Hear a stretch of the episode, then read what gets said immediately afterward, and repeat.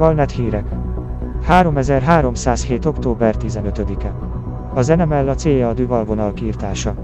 A neomarlinista felszabadító hadsereg vállalta a felelősséget a Paresa rendszerben lévő Dyson City csillagkikötő elleni támadásért. Az elsődleges célpontok Hadrian Duval császár és felesége, a terhes Lady Astrid Minerva Duval voltak.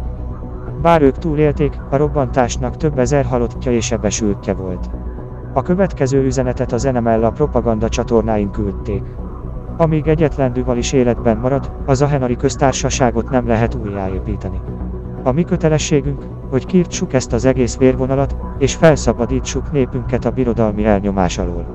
Leo Magnus Prétor nyilatkozatot tett az ACT nevében.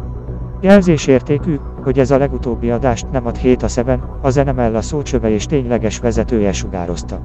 Úgy véljük, hogy a hét a csoport a fegyverkészítők csapata, amely a Maruenzim bombákat készítette, ketté szakadt. Az általunk lehallgatott kommunikáció szerint hét a Szeben és követőinek fele a marlinista kolóniák elleni júliusi támadások után bujkált. A többiek folytatták a terrorhagyjáratukat, és ők voltak felelősek ezért a legutóbbi atrocitásért.